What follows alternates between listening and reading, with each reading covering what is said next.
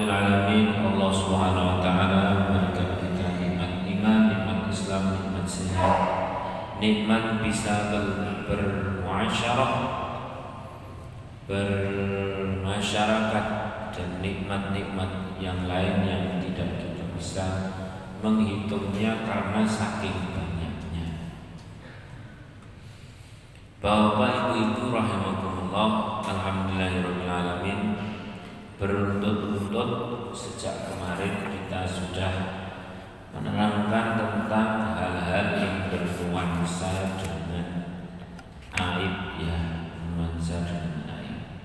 Nah, dan juga bernuansa dengan kebaikan. Terakhir kemarin kita membahas man akramaka fa innama akrama fika Orang yang memuliakanmu itu sejatinya bukan memuliakanmu Namun memuliakan Allah yang menutupi aib-aib kita. Kan kemarin begitu yang Andaikan apa adanya bloko masa lalu kita Terus kemudian saat kesendirian kita Keceplosan-keceplosan kita Hilaf-hilaf kita itu nampak semua di kening kita kira-kira konco atau suami atau istri itu doyan membuat maka kalau ada orang memuji kita sejatinya yang dipuji bukan diri kita tapi apa? Indahnya Allah yang menutupi aib-aib kita kan gitu ya. Dari pelajaran itu pula kalau diri kita punya keceplosan, punya ketiduran, punya aib, punya khilaf, ya kok suatu ketika kebuka gitu ya, ya biasa-biasa saja. Mau yang tertutup masih lebih banyak kan begitu. Ada orang bilang oh, wah kakek petingkah. Ya hati kita harusnya bisa ya orang mau kakek petingkah. Ya orang kakek dosa barang, kakek hilang, kakek utang, kakek macam-macam itu rambutnya susah. Kan kemarin kan kita bahas seperti itu jin itu masih ingat ya? Nah demikian pula kalau ada orang lain kebu, orang lain kebuka aibnya yuk ya rasa dijerok-jerok kepisan mau yo dhewe yo padha duwe ini gitu nah oh yo dijerok-jerok nah, Bahkan justru kalau kita sudah ngaji ada saat-saat Allah Subhanahu wa taala itu pengen sendiri dengan diri kita yang sendiri mata kita hanya untuk Allah, telinga kita hanya untuk Allah. Kapan? Yakni saat-saat tidak ada lagi yang bisa kita lihat, tidak ada lagi yang bisa kita dengar. Sebab apa? Sebab orang sudah tidak percaya. Sebab apa? Sebab gara-gara kebukalah air kita, keceplosan, ketiduran, keterlanjuran, kekhilafan yang kita lakukan, kok yokonangan dan sebagainya sejatinya di hadapan makhluk kayaknya direndahkan tapi karena kita tuh jadi tidak punya siapa-siapa akhirnya kita hanya kepada Allah. Nah di situlah sebenarnya Allah sedang menaikkan derajat. Kan begitu kemarin sudah jadi kalau suatu ketika tiba-tiba kebuka air kita satu ya sing biasa-biasa wae wong nah, isine luwih akeh ya yang bisa. Nomor dua, kenapa harus biasa-biasa jalan? Bagaimana tidak biasa-biasa saja? Wong sebenarnya kita ini lagi dibuat berduaan dengan siapa? Allah Subhanahu wa taala. Nah, kemarin itu kan sudah berulang-ulang-ulang-ulang saya sampaikan. Kala itu sampai Sayyidatina Aisyah itu loh, Masya Allah, tidak ada yang percaya sama beliau. Akhirnya andalan beliau berkata, Fasobrun jamil Wallahul musta'anu ala ma tasifun.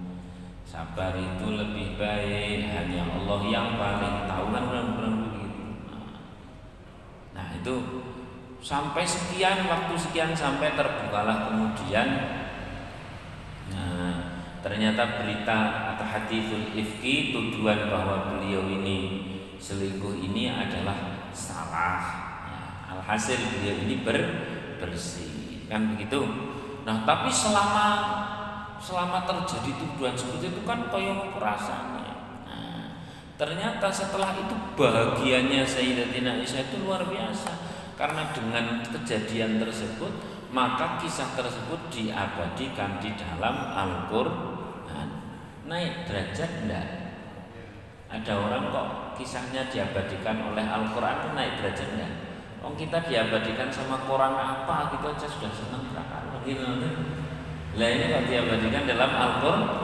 Wong sak durunge ya rada ana sedih gitu ya susah dituduh berselingkuh dan sebagainya. Nah, yang kayak gini kayak gini ini apalagi terhadap para kekasih Allah ini terjadi.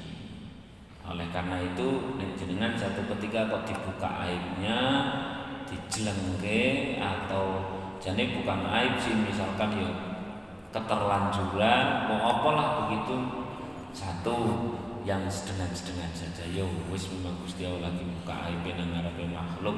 Muga-muga ngangkat derajat nang ngarepe Gusti Allah kan gitu. Ya kemarin-kemarin kita membahas mulek-muleknya seperti itulah seperti itu. Demikian pula pada saat ada orang lain kebuka ya, tinggal bilang yo wis kan buka aib yo wong dilalah wong kuwi. Sesuk mana yo iso wong liya mungkin yo iso rasa jeru-jeru mungkin Gusti Allah karep mungkin Allah kerso lagi berduaan dengan orang tersebut. Kenapa? Karena orang lain menghina. Satu-satunya yang masih terus menemani adalah siapa? Allah Subhanahu wa taala. Sedang-sedang saja malah nek dibilang bahaya yang bahaya kalau diri kita buka aib orang lain. Wong umumane ora dibuka saja nek Gusti Allah kerso kan yang dibuka toh.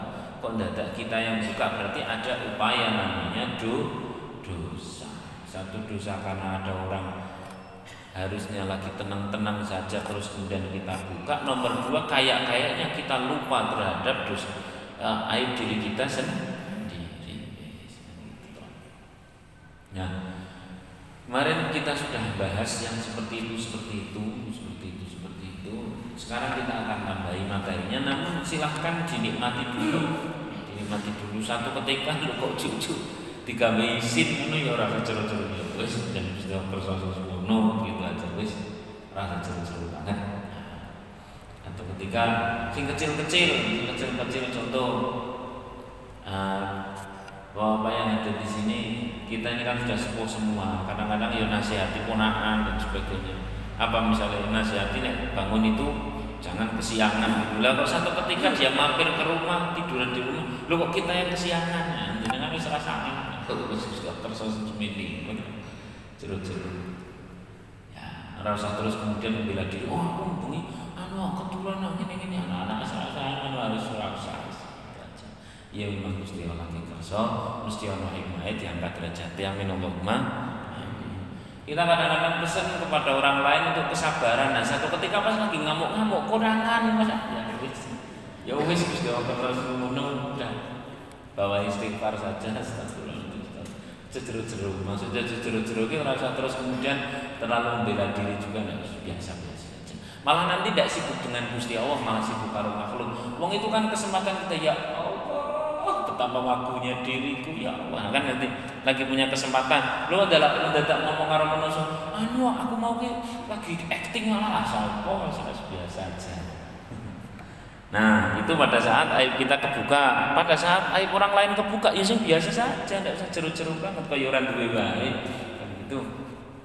Dah Dah dimulak-mulak Itu, itu pokoknya pembahasannya. Baik Sekarang kita akan lanjutkan di pembahasan yang hari Bismillahirrahmanirrahim. Eh maaf, ada sedikit yang ketinggal. Itu pada saat aib kita kebuka. Lalu pada saat ada orang memuji, sekarang dibalik. Ada saat orang memuji, ya ndak usah seneng banget. Kenapa? Itu kan karena saking jose Gusti Allah, saking hebatnya Gusti Allah. Jelas-jelas diri kita yang banyak sekali borok, aib, kekurangan dan sebagainya, lu kok ditutupi kan gitu kan? Ya sing hebat berarti siapa? Gusti Allah sing moho nutupi aib. Gusti Allah sing menutupi jadi heb, yang hebat itu adalah masya Allah mana mau ngelak kaya aku dadak ana sing ngalem barang alhamdulillah janjane sing ngalem ki sing dikalem kudu aku tapi sinten Gusti Allah kan gitu toh. Jadi rasa seneng banget mau ngasih ini orang ngalam awak dhewe kok. Nggak usah begitu bahagia. Yo bukan meng, me, toh. Bukan memuji diri kita biasa saja. Jadi akhirnya apa setelah kita ngaji kami ini pada saat terhina di hadapan makhluk yang sedang-sedang saja lorone ya sedang-sedang saja sedihnya tidak usah sedih-sedih banget. Pada saat dipuji di sobio-sobio di salu-salu ya ora usah senang-senang banget wong ya kuwi asline kudu awake dhewe. Kan gitu. Itu sing sing disalu sing dihebat-hebatke adalah indahnya Allah menutupi aib kita. Dah sampai sini pun cetak nggih. Nah, baru setelah ini cetak, ilmu ini cetak dan dinikmati dulu. Dinikmati dulu, nah, dinikmati nanti loh terus itu gak ada. Ini dinikmati dulu. Dinikmati dulu maksudnya adalah sebisa-bisanya dipraktekkan. Sebisa-bisanya. Ada beberapa poin tadi itu, poin ketika kita dibuka aib, tadi itu jawabannya. Ah, oh, terus muka-muka diangkat aja ketika orang lain terbuka aibnya alah orang kaya tok aku ya yo luwih parah malahan rasa melu-melu buka gitu. Ketika dipuji orang lain kok dadak muji bareng? Wong asing sing hebat Gusti. Nah ada tiga poin sedikit udah kayak gitu dinikmati dan sebagainya dipraktekkan dalam kehidupan kita melalui online maupun offline ya melalui online maupun offline. Ya biasa-biasa saja nah setelah kita pahami itu semua setelah kita pahami itu semua dan kemudian pelan-pelan ini pasti diuji oleh Allah entah itu diuji sing model dipuji itu juga diuji. Kadang-kadang kita jadi lalai nyatanya tidak dipuji. Betul atau tidak? Ada orang nyobio nyobio nyobio nyobio mesin-mesin nyobio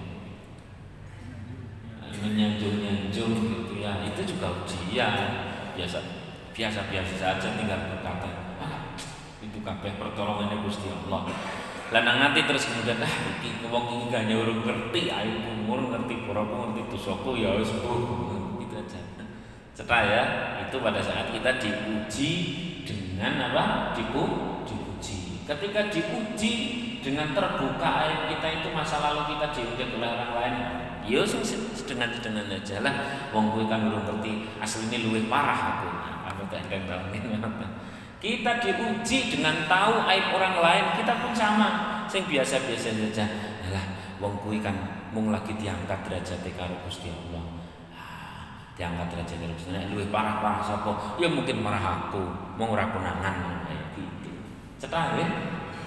Terhadap aib orang lain ya biasa terhadap diri kita ya biasa. Apalagi terhadap pada saat kita sedang dipuji ya biasa. Nah, yang luar biasa adalah menjadi hubungan kita dengan Allah Subhanahu. Karena pada saat kita kemudian tidak dipercaya, maka apa yang kita lakukan? Ya Allah hanya kepada Engkau ya Allah. Aku mengadu ya Allah. Wa kafa billahi syahida. Cukuplah engkau yang menjadi sak saksi. Ngono-ngono terus akhirnya mulai ada keasikan di situ. Jadi cara gampang sujudnya luwih berkualitas. Gini sujudnya lebih berkualitas jangankan dipaitu orang oleh orang banyak sampai rumah dipaitu sama istri saja terus ya Allah alhamdulillah gitu kan alhasil jadi itu baik atau buruk? Baik atau buruk? Nah, ya, kalau baik ya jangan terlalu uh, repot-repot bales repot-repot menyerang dan sebagainya biasa biasa Bismillahirrahmanirrahim. Ini yang hari ini setelah memahami betul yang kemarin sembari dipraktekkan pelan-pelan ini yang hari ini. Bismillahirrahmanirrahim. Bismillahirrahmanirrahim Ibn Athaillah Iskandari berkata, "Sahibaka man sahibaka wa huwa bi'aibika alimun wa laysa dzalik illa maulakal karim." Setelah kita faham yang kemarin itu setelah kita ngerti, maka sebenarnya tidak ada teman sejati kecuali ya teman yang jelas-jelas tahu aibmu tapi terus membersamaimu. Siapa teman yang terus menemani, setia ngasih, setia terus memberi, eh, teman yang benar-benar setia, padahal jelas-jelas tahu aib kita, tahu borok kita, tahu kekurangan kita, tapi terus menemani. Nah, itulah teman sejati. Siapa teman sejati? Walaisa dzalika illa maulakal karim. Tidak ada teman sejati kecuali Allah Subhanahu wa taala. Sudah jelas tahu dosa kita loh. Masih saja dikasih nafas, betul? Sudah tahu aib kita loh, masih saja dikasih kesempatan kesempatan untuk berbuat baik. Sudah tahu Masya Allah Masa lalu keburukan, kejelekan Kadang-kadang sholat sing telat-telat Orang telat malah lewat dengan sholat berikutnya juga itu saja masih dikasih denyut nadi, detak jantung, kehidupan, iman, Islam dan terus nikmat-nikmat yang lain. Maka siapa teman sejati? Sejatinya siapa tadi? Allah yang sudah jelas tahu aib kita, kok ya mau-maunya dengan diri kita. Sampai sini dulu sudah cerang ya. Alhamdulillah. Alhamdulillah. Nah, sehingga setelah kita tahu ternyata teman sejati adalah teman yang sudah jelas tahu aib kita, tapi kok ia terus membersamai, nah, membersamai kita, maka apa kemudian pesannya? Yo jadilah yang yang apa?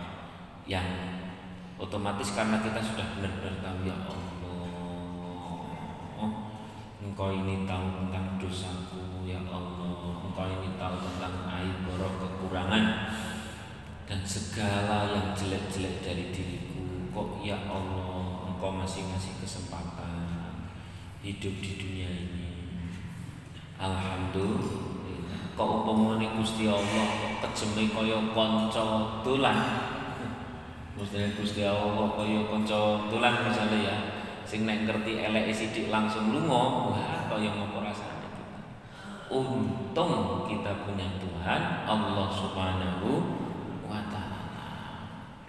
Maka ada beberapa kisah yang kemudian perlu sekali kita pelajari bersama. Contoh yang sudah pernah saya contohkan ya. ya betapa setianya Gusti Allah ya. Betapa luas rahmatnya Gusti Allah. Betapa longgar rahmatnya Gusti Allah. Kaya untung sing dadi Allah yang menjadi Tuhan kita itu Rahman Rahim Ghafurun Rahim kok umpamanya dadi Tuhan kok ora Gusti Allah salah sidik langsung diantem salah sidik langsung di wah macam-macam wae kaya apa untung Tuhan kita adalah siapa? Allah Subhanahu wa taala. Di zaman Nabi Musa itu saat itu Nabi Musa alaihissalam bersama para kaumnya itu sedang berdoa menginginkan hujan. Lo kok tidak dikabul-kabul sama Gusti Allah? Tidak dikabulkan padahal biasanya terkabul lalu satu. Lalu Allah Subhanahu wa taala membisiki pada diri Nabi Musa ya kalimullah ya manusia yang bisa berdialog langsung dengan Allah namanya kalimullah yakni Nabi Musa alaihi salam. Musa gimana mau terkabul wong orang di antara kalian di antara kaummu itu ada yang 40 tahun sudah melakukan dosa-dosa besar. Melakukan dosa-dosa apa? 40 tahun tanpa henti melakukan dosa besar gimana mau terkabul kalau masih ada itu? Terus kemudian Nabi Musa mengumumkan kita doanya tidak terkabul. Permohonan kita untuk meminta hujan rezeki dan sebagainya ini tidak dikasih oleh Allah Gara-gara di antara kita masih ada orang yang 40 tahun melakukan dosa besar Nah ini sing bersangkutan ini langsung terlintas Ya Allah Ketok ya Aku ya Allah. Gitu ya. Ya Allah orang ketok ini tetap aku nih yang puluh tahun kok saya bertobat ya nah terus gerujuk gerujuk gerujuk turun hujan Lalu Nabi Musa terus tanya sama Musa, loh ya Allah, di antara sekian banyaknya itu belum ada yang menyingkir, masih utuh orangnya. Loh kok kok sudah kabulkan? Padahal katanya ada orang yang berdosa besar berapa tahun? 40 tahun. Orangnya belum pergi, dikasih tahu aja dan lu kok engkau sudah turunkan hujan? Apa kata Allah? Aku ini maha pengam, orangnya sudah saya ampuni karena sudah berapa tobat. Orangnya sudah tobat sudah tak ampuni. Lah orangnya yang mana? Rahasia atau yo yo. Allah itu semangatnya menutup aib. Sehingga kalau kita semangatnya membuka aib katuan kita itu memang terus kemudian ke, ke siapa gitu. Katanya mendekat kepada Allah. Nah apa-apa yang menjadi kesukaan Allah malah kita tidak suka aib Allah nyukanya nutup aib kita sukanya apa muka aib orang? Ya jangan nah saya lanjutkan ya uh, terus kemudian lu orangnya mana? Allah ternyata berkata saat dia melakukan dosa saja aku tutupi dengan rahman rahimku wafurun rahim dengan sifat-sifat baikku. Lah apalagi setelah dia bertaubat ya jelaslah ngapain aku buka kurang lebih lah kita ini kadang-kadang ono konco meh cerita aku ki ngene ngene ngene ayo karo sapa ya insyaallah semangatnya tahu tentang aib orang lain. Padahal tahu tentang kekurangan orang lain, aib orang lain, tetangga atau siapa begitu, harusnya kita ini sedih, tidak ngerti barang. Khawatir apa? Satu ketika keceplos ya. Oleh karena itu jangan seneng malahan. Nah, kita hari ini kadang-kadang sok seneng ngerti kartu AC wong liya. Aku ngerti lo ya. Jangan gitu. Hadirin rahimahullah. Saya lanjutkan. Setelah kita tahu bahwa ternyata satu-satunya yang sudah tahu kekurangan aib dosa-dosa kita, borok-borok kita, tapi terus menemani dan terus memberikan nikmat-nikmat. Ya. Siapa itu? Satu-satunya? Ya ini Allah Subhanahu Nah kalau sudah tahu seperti itu tidak disebutkan di dalam kitab kami ini terus kon Jawabannya jelas. Pertama harus bersyukur alhamdulillah. Ah untuk duit Tuhan di pengirane Gusti oh aja pengirane ora Gusti Allah salah sithik ini salah ngono ya Allah. Alhamdulillah yang nomor dua tentu kita menjadi lebih lebih akrab ya lebih akrab hingga satu ketika memang misalkan ya, kebuka aib kita di hadapan yang lain gitu ya kalau yang lain ketika sudah kebuka borok kita ini kan sudah menjauh, betul atau tidak? Iling, Gusti Allah tidak turut menjauh. Justru malah dekati kita dengan berjalan, Allah mendekat kita dengan berlari, maksudnya lebih dekat dengan Sujudnya makin nikmat, sujudnya makin nikmat, sujudnya makin nikmat. Dan kalau sudah sesepuh-sepuh kita ini jadi orang usah orang usah repot-repot banget Pak. Asli kita ini kan baca-baca nganu tahu wajah-wajah sudah saya meh di keceplosan di sakaratul maut toh. Ya wajah-wajah tanah lah ya. Rata-rata wajah-wajah tanah ah jadi rasa terlalu repot-repot banget gitu lah. Maksudnya satu ketika kok kebuka ya wis tabungan akhirat mulai bisa rasa repot-repot banget. Kan yang paling-paling ora suwi mana itu model gitu ah ya Allah ya Rahman ya Rahim. Fokus gue kawis sujud lah kok kira-kira rada orang kuat ini saya biasanya ngasih tips untuk anak yang muda-muda rada orang kuat terhadap segala sesuatu itu kuncinya dua. Yang pertama adalah guyang guyu betapa luasnya rahmat Gusti Allah. Guyu guyu? Baru guyu terus sujud. Subhan rabbiyal a'la. Artinya apa? Maha suci engkau ya Allah. Maha engkau maha luhur Maha tinggi. Di atas semuanya Di atas segalanya. Karena Allah maha luhur Maha tinggi Semua itu di mana? Di bawah Semua itu menjadi ringan Menjadi kecil Menjadi tidak seberapa Maka kita terus bertasbih kepada yang maha luhur itu Kan begitu Ya Cuman aja dibarengke, guyune jangan sambil sujud, sujud jangan sambil guyu. Guyu itu maksudnya pen enteng gitu lah. Rahimakumullah. Baik. Setelah kita paham bahwa satu-satunya yang terus setia adalah Allah Subhanahu wa taala, ya jangan jauh-jauh, jangan jauh-jauh. Justru ketika semuanya menjauh, mendekatlah kepada Allah karena yang jelas-jelas masih apa? Seti, setia. Dah syukur begitu nomor dua semakin mendekat. Nomor tiga, nomor tiga pesan nomor tiga ini tidak ada disebutkan di situ. Setelah kita memahami bahwa satu-satunya yang masih terus setia adalah Allah Subhanahu Wa Taala, Allah Subhanahu Wa Taala. Ya jangan terlalu repot dengan yang lain. Jangan terlalu apa? Repot dengan yang Kata yang tadi saya sampaikan yang diungkapkan oleh Sayyidatina Aisyah itu adalah kata yang ada dalam Al-Qur'an yang diucapkan oleh Nabi Yusuf. Oleh Nabi siapa? Wasabrun jamil wallahul musta'an ala ma tasifun. Itu adalah kata-kata yang diucapkan oleh Sayyidatina Aisyah mengulang kata-katanya Nabi siapa? Nabi Yusuf saat apa Nabi Yusuf? Nabi Yusuf itu tidak salah apa-apa. Wong yo cuman di, dikeluarkan dari tempat persembunyiannya terus wanita-wanita itu disuruh pegang apa? Suruh pegang apa? Pisau eh, sama buah. Suruh uh, suruh ngoncai, ngoncai ya betul. Suruh ngupas buah malah ngupas apa? Jari gitu ya.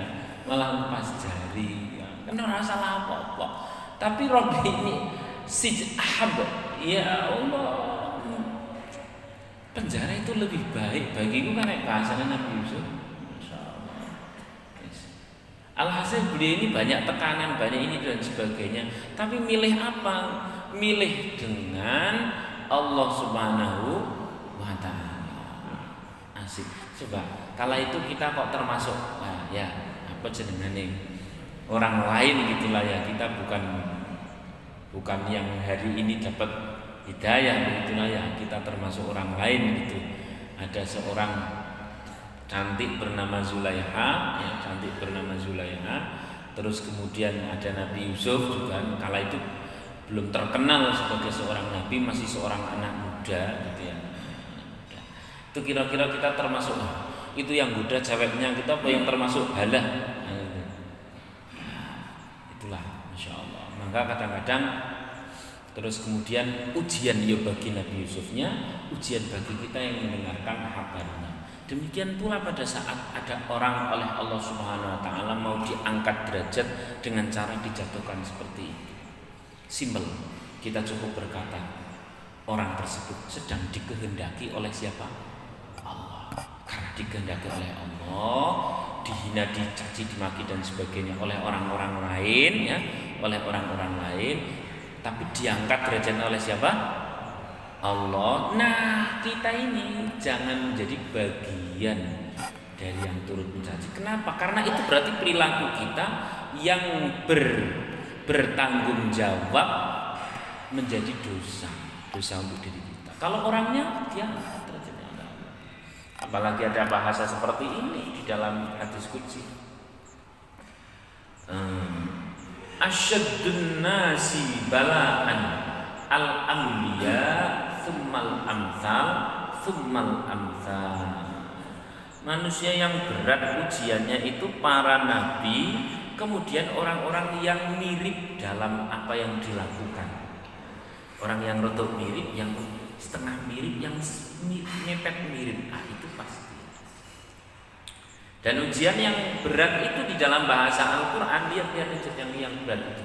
Kita urutkan. Kan ada bahasa walanabluwannakum ju'i wa naqsin minal amwali wal anfusi wal thamarat. Ingat, itu koyo bangsa ujian menang amwal anfus itu rotok keri-keri itu ujian pertama adalah nabluwannakum bisyai'in minal khauf. Khauf itu ujian psikologis. Lah psikologis dari mana? Ya dari ucapan orang-orang itu. Maka setiap orang-orang seperti itu pasti ada ujiannya. Nah, lala kalau lagi uji-uji seperti itu kita sudah ngaji kampung wong kuwi meh diangkat derajate.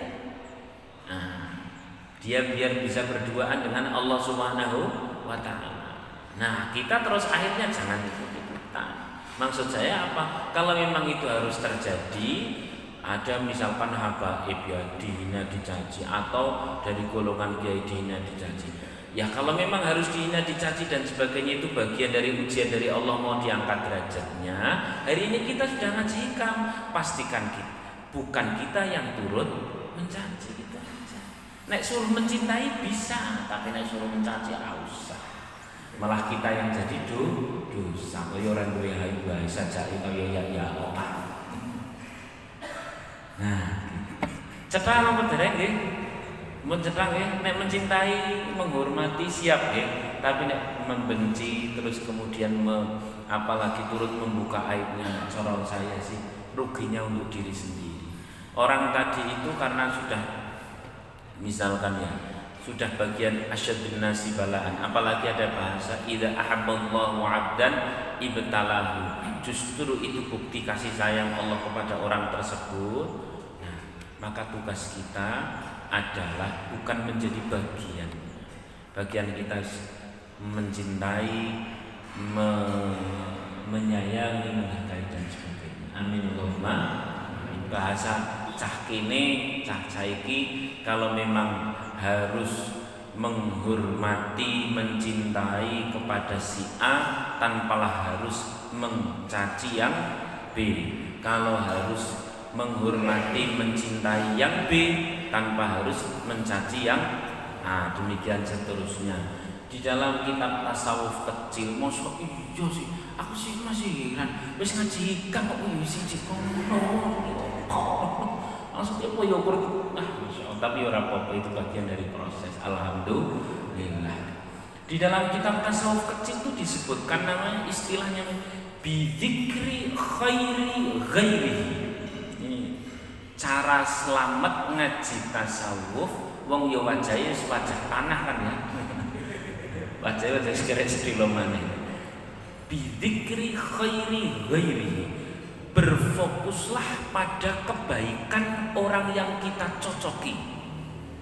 Berfokuslah pada kebaikan orang yang kita iyani orang yang kita cintai. Bidzikri khairi ghairi itu kurang lebih kalau dalam bahasa kitab tasawuf namanya kitab Minahus Saniyah. Nanti ngepas ya. Minahus Saniyah. Kenapa? Karena itu akan terus terjadi dari bergulirnya zaman demi zaman. Cara misalkan jenengan punya tetangga dua, tetangga dua, sing siji orang api, sing siji api. Terus ditakoni karo wong liya, bidzikri khairi ghairi. Tak usahlah menyebut kejelekannya tetangga yang jelek. Cukuplah kita membaik-baikin membaik-baikin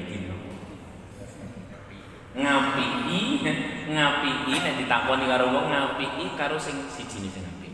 Lah terus mulai ditakoni terus lah kan sing sijine piye sing ngerti sing kaya apik. Lah sing iki oh aku sing apik iki. Otomatis sing siji jadi tapi tanpa menyebutkan Inilah akhlak salafus soleh. Inilah akhlak salafus soleh. Dan itu mawon yang sudah saya sampaikan semoga bermanfaat. Alhamdulillah. Tapi ini yo nek jenengan setuju monggo boten telepon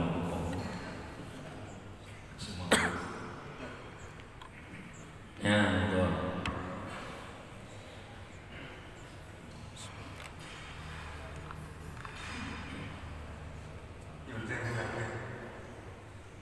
Assalamualaikum warahmatullahi wabarakatuh. Waalaikumsalam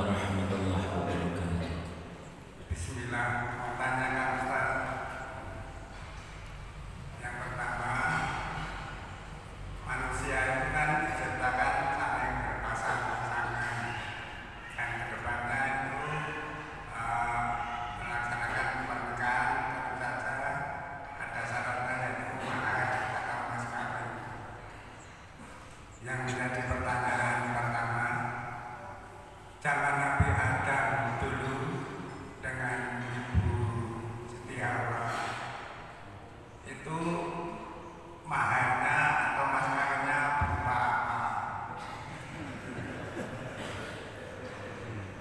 Kemudian yang kedua, yang kedua,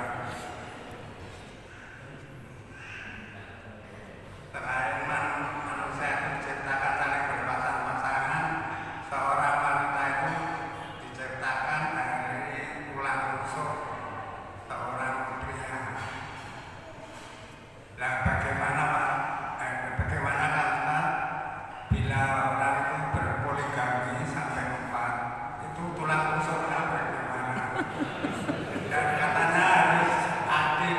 Tentu saja zaman dulu itu Nabi Muhammad pasti bisa melaksanakan keadilan. Nah, keadilan dalam Al-Quran eh, itu yang bagaimana? Tolong dijelaskan. Syukron kata dari topik saya. Assalamualaikum warahmatullahi wabarakatuh.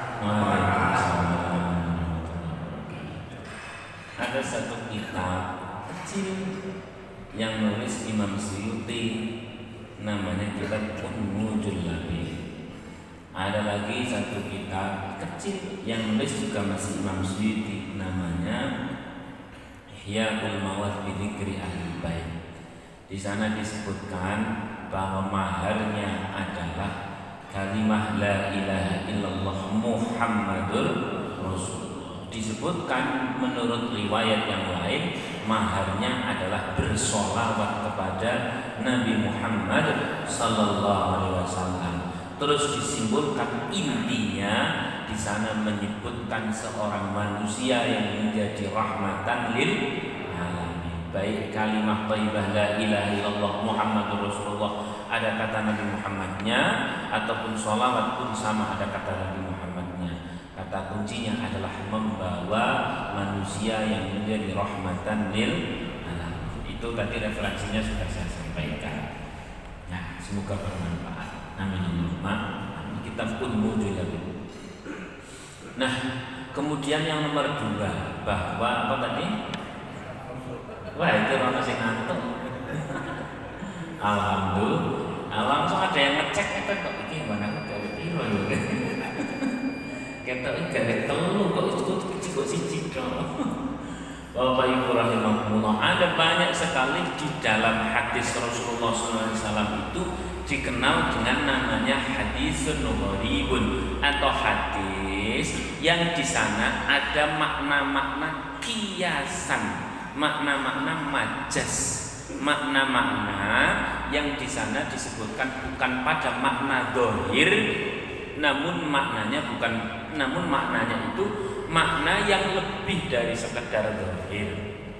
Termasuk dalam bahasa tulang rusuk itu bukan hal dohirnya itu hanya merupakan kiasan. Orang kok terus kemudian Mana kok ketok kok sing siji tok apa sing telu ning ndi? Yo karena jatahe kok bisa bukan itu. Itu hanya dohir dohir.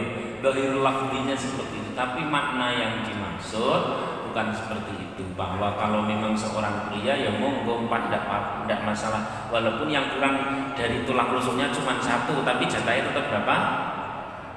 Kan ini papa kita berangkat sama istri jadi nah nah kita aja dulu yang dapat saya sampaikan. Itu makna kiasan makna kiasan. Itu aja. Ada Pak masih ada lagi sini belum tadi sudah ada tidak apa-apa. 15 15 Enggak silakan. Itu depan depan itu. Oh ada belakang juga ada. Mau ke sini Assalamualaikum warahmatullahi wabarakatuh.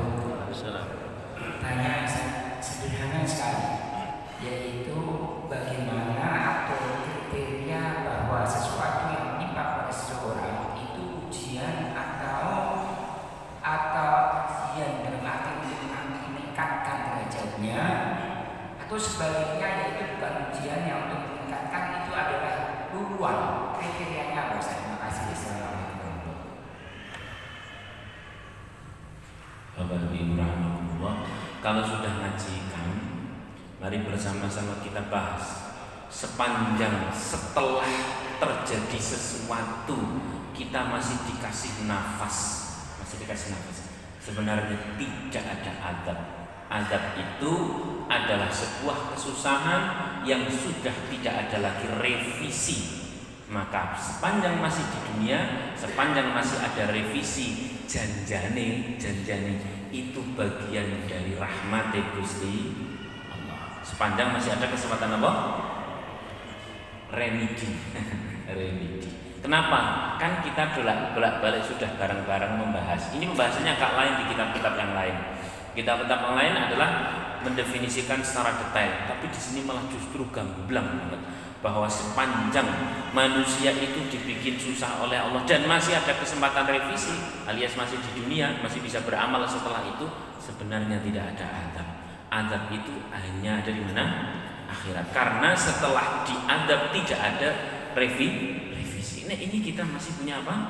Revisi. Nah hadirin rahimakumullah kemudian apa yang butuh kita sampaikan dulu pula balik kita bahas setiap yang pernah membaca kalimat asyhadu an la ilaha illallah wa anna muhammadan rasulullah apa dakhalan masuk sur surga. Lah surga itu kan tempat bersih, tempat suci. Kita memang sudah membaca syahadat, sudah membaca kalimat thayyibah tersebut dan pasti masuk surga. Amin Allahumma.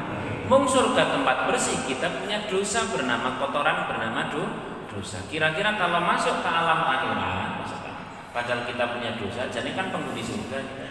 Kira-kira sebelum masuk ke tempat bersih diapakan dulu? Di mana? ya udah amal paling-paling 2000 2000 tahunan. Oleh karena itu, oleh karena itu Bapak-bapak Ibu-ibu rahimahullah, kalau dibersihkan di sana kan berat. Berat, betul enggak? Nah, terus kemudian milih dibersihkan di mana? Di akhirat yakni di neraka atau mumpung masih di dunia? nek punya mumpung masih di sehingga apa pun kesusahan kejadian yang ada di dunia itu adab atau kasih sayang? Adab atau kasih sayang? Nah, buyung dikasih sayang. Sehingga enteng betul alhamdulillah hari ini lagi dikasih kalau itu rasanya ya Allah kasih sayang Allah alhamdulillah Buat sekarang apa derek? Nah itu berarti masih ada. Nah kemudian uh, ini biar cekas sekalian ya, biar cekas sekalian. Dinaikkannya derajat itu jadi macam-macam. Anak kelas 2 untuk bisa naik kelas 3 itu kan ada ujian-ujian, betul atau tidak? Hal-hal sulit yang harus ia kerjakan namanya ujian, betul atau tidak? Kalau dengan adanya ujian demi ujian yang pekanan, yang bulanan, catur bulan, semesteran kok anak tersebut menjadi semakin baik? Semakin baik. Naik kelas enggak kalau menjadi semakin buruk naik kelas enggak maka jawabannya adalah apakah itu ujian atau tidak gimana kita jawab kalau itu benar-benar akhirnya membuat kita semakin baik betul kalau itulah ujian luar biasa alhamdulillah dan tidak usah dijerok-jerokkan sebab itu bagian dari rahmat Gusti. Kata enteng enak banget. Kelakuan ini dulu insya Allah enteng alhamdulillah. Monggo silakan. Assalamualaikum warahmatullahi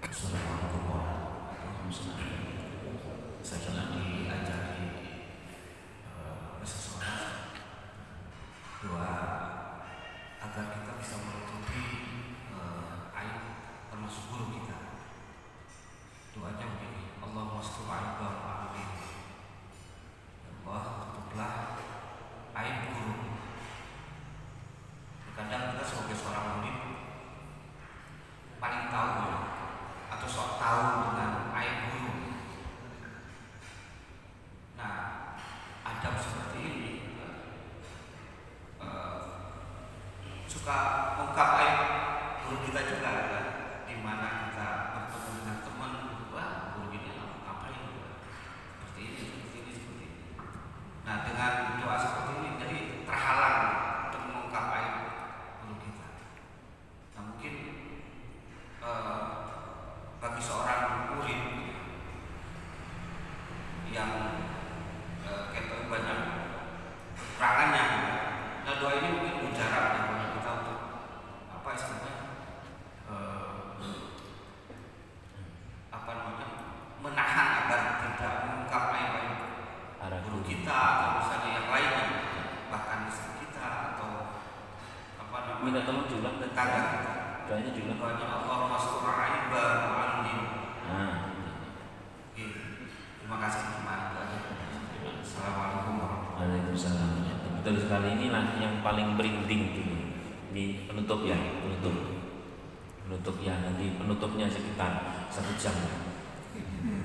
Penutupnya dulu itu kalau ada orang daftar jadi khodim atau khodam di tempatnya Pak Kiai sama senior biasanya diginikan kalau soal kau menjadi khodim insya Allah kau ini fisikmu kuat karena kan harus ke pasar, ke pondok, ke tiba-tiba madrasah, ngangkut barang-barang dan sebagainya, pakai motor kadang pakai ini dan sebagainya. Saya percaya, kata senior-senior. Kalau soal kau tengah malam tiba-tiba dipanggil sama Pak Kiai untuk sebuah tugas, aku percaya tentang loyalitasmu, ketaatanmu. Kalau soal bahwa satu ketika engkau ini disuruh tiba-tiba sesuatu yang sangat berat, aku percaya taatmu kepada gurumu. Sing butuh tak cek kata para senior.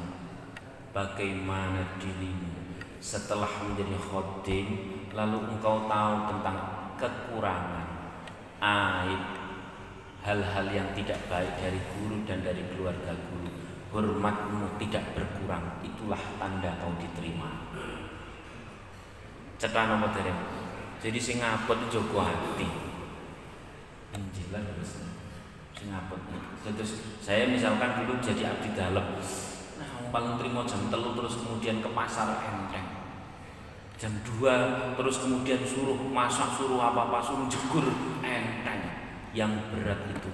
Kalau satu ketika tahu tentang hal yang tidak baik dari guru, guru dan keluarganya tapi ini diem oh tapi kalau itu sukses, kalau itu sukses, insya Allah yang lain-lain lebih gampang suksesnya. Amin Allahumma. Memang itulah bagian yang paling berat dan perlu kemudian doa tadi gimana? Allahumma stur aiba. Ya silahkan monggo itu doa dibaca biar kita ini tidak gampang mencela orang, biar kita ini kalau tahu tentang aib seseorang apalagi itu ada pendakwa, habaib dan sebagainya tidak gampang yang rugi siapa? Diri kita. Beliaunya upgrade karena diuji, diri kita downgrade karena orang kuat menjaga air. Itu saja semoga bermanfaat. Al-Fatihah. Alhamdulillahirrahmanirrahim. Iyaka na'budu wa iyaka nasta'in. Shiratal mustaqim. Shiratal ladzina an'amta 'alaihim ghairil maghdubi 'alaihim بالله التوفيق والهدايه السلام عليكم ورحمة الله وبركاته.